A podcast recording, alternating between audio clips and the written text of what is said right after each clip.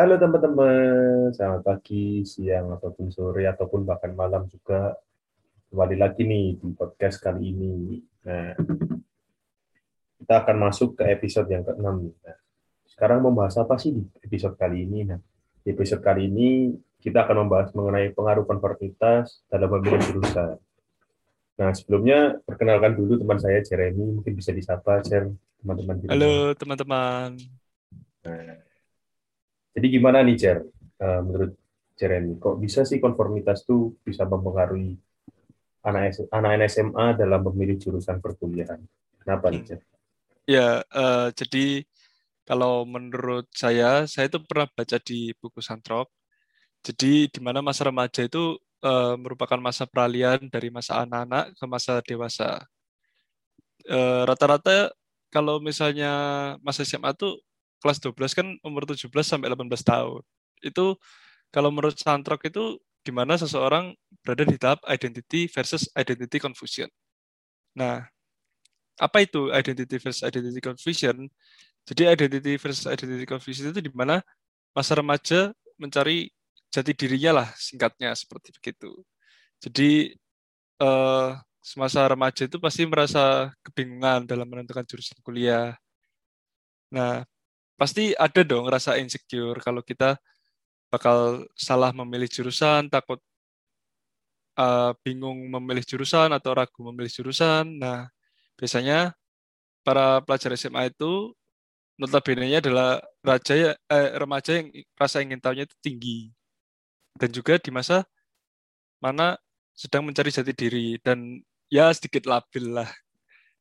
Nah, remaja itu dalam mengambil keputusan tanpa terkecuali seperti kayak memilih bidang ilmu dan program studi itu itu hal yang penting menurut saya. Nah, kadang pengambilan keputusan ini yang menentukan karir di masa depan itu perlu diadakannya perencanaan yang baik.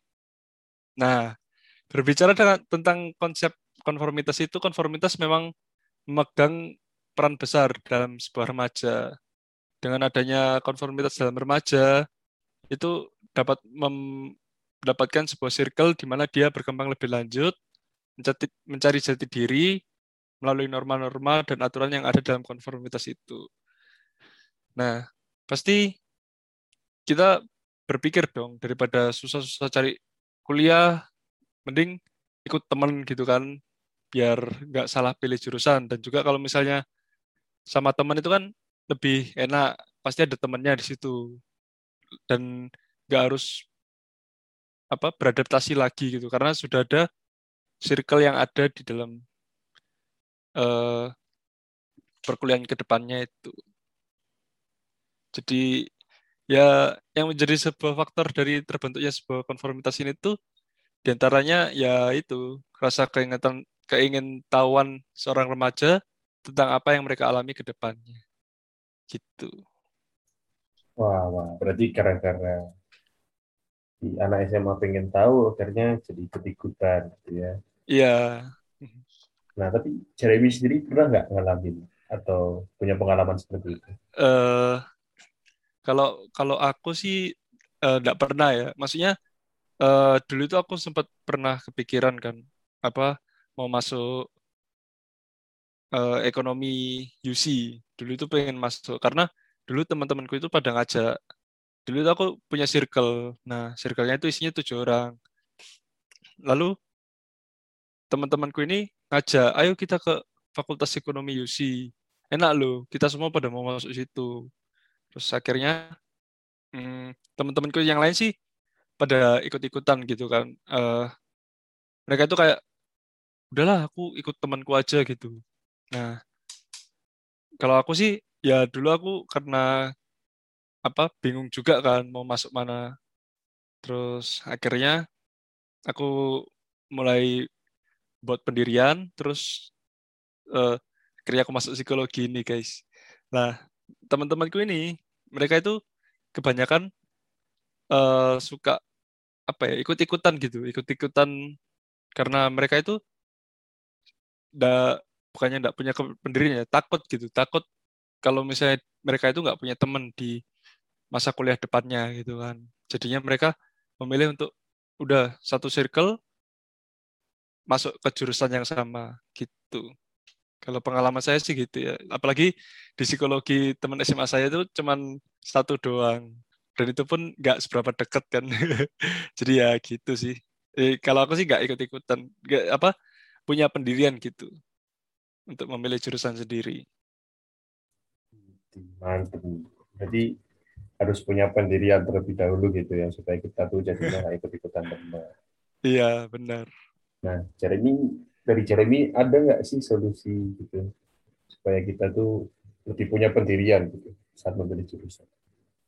Uh, mungkin aku ada beberapa seperti solusi biar kalian-kalian ini nggak terjebak apa dalam konformitas dan lebih berani gitu memilih jurusan.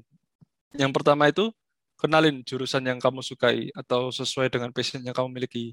Misalnya kamu passion dengan komputer, oke okay, masuk aja ke teknik komputer, teknik apa komunikasi kalau yang mau editing yang suka bikin video yang suka bikin film masuklah komunikasi perfilman gitu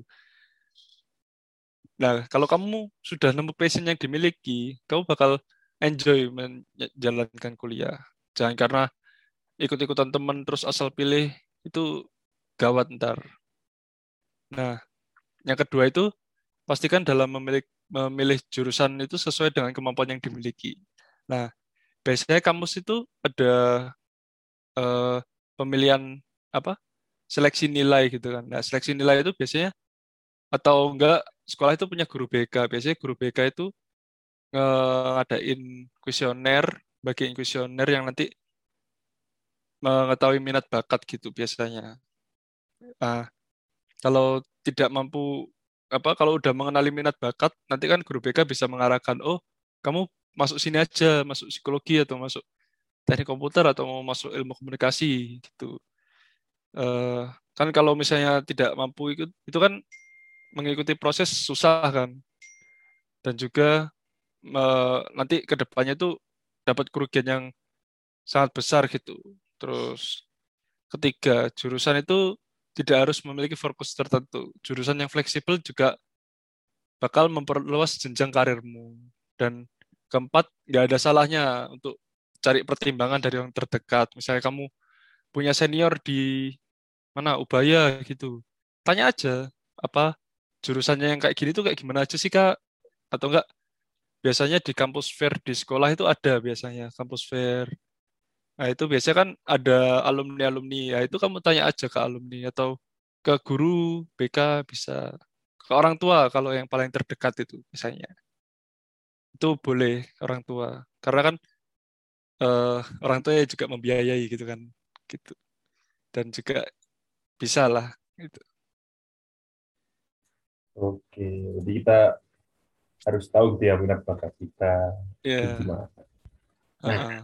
bagi teman-teman yang mungkin bingung dari aku juga ada sedikit sedikit sedikit tips nih kalau kalian masih bingung dengan minat kalian apa kalian itu bisa nih coba tes minat bakat ke psikolog gitu. Siapa ya, tahu dari minat bakat itu kalian bisa menentukan mau jurusan yang mana gitu. Iya, gitu sih. Ya.